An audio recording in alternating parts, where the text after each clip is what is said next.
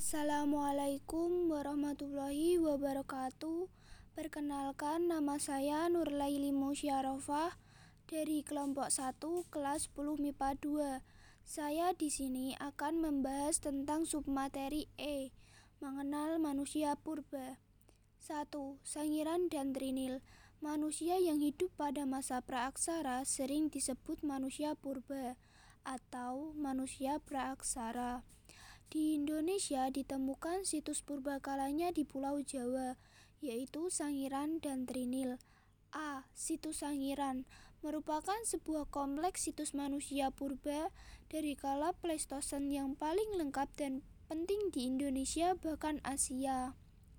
Situs ini ditemukan pada tahun 1864. Sangiran adalah situs yang sangat penting bagi pemahaman evolusi manusia secara umum di dunia. Hal ini menjadikan Sangiran ditetapkan sebagai bagian dari World Heritage List oleh UNESCO nomor 593 sejak tanggal 5 Desember 1996. B. Situs Trinil adalah situs paleontropologi di Indonesia. Trinil merupakan kawasan di lembah Bengawan Solo yang menjadi hunian purba, tepatnya zaman Pleistosen Tengah, sekitar satu juta tahun lalu. Sebagai tanda ditemukan fosil di wilayah tersebut, dibangun sebuah tugu di selatan Sungai Bengawan Solo. Dan pada saat ini di Trinil dibangun sebuah museum. 2. Manusia purba yang ditemukan di Indonesia. Manusia purba Indonesia berasal dari masa kuarter, yaitu sekitar 600.000 tahun lalu. Beberapa jenis manusia purba yang ditemukan di Indonesia adalah A. Megatropus paleojavanicus. Kata Megatropus berasal dari kata mega artinya besar dan kata antropo artinya manusia. Adapun kata Paleojavanicus terdiri atas kata paleo artinya paling tua, sedangkan kata Javanicus artinya Jawa. Jadi, Megalotopus paleojavanicus dapat diartikan manusia raksasa dari Jawa. Fosil ini ditemukan di Sangiran pada tahun 1936 dan 1941. B. Jenis Pithecranthropus Fosil ini ditemukan pada tahun 1891 di Trinil. Dinamakan Pithecranthropus erectus, artinya manusia kera yang berjalan gerak.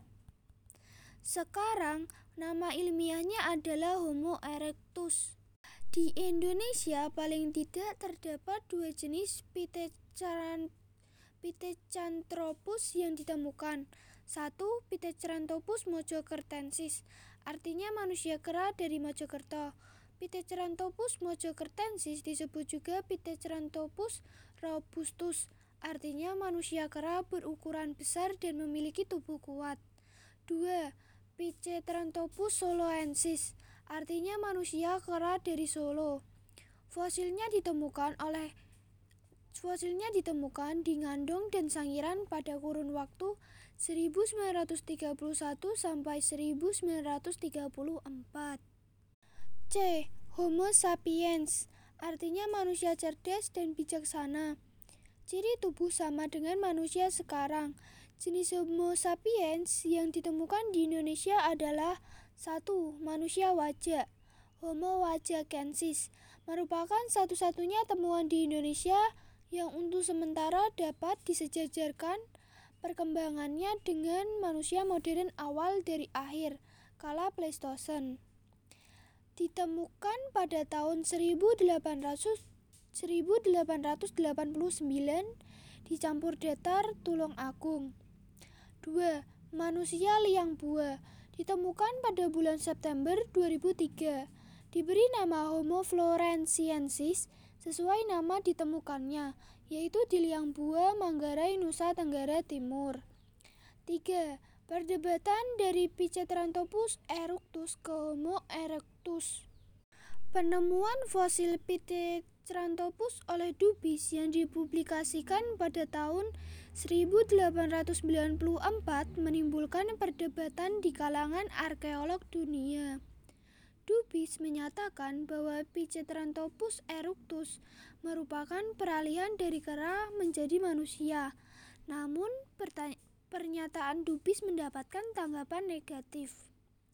Menurut para ahli biologi, standar zoologis tidak memungkinkan memisahkan Pithecanthropus erectus dengan Sinanthropus pekinensis dengan genus berbeda dengan manusia modern.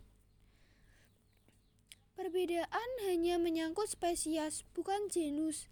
Itu sebab itu sebabnya Pithecanthropus erectus harus diletakkan dalam genus Homo dan untuk mempertahankan spesies aslinya dinamakan Homo erectus. Dengan demikian berakhirlah debat panjang tersebut.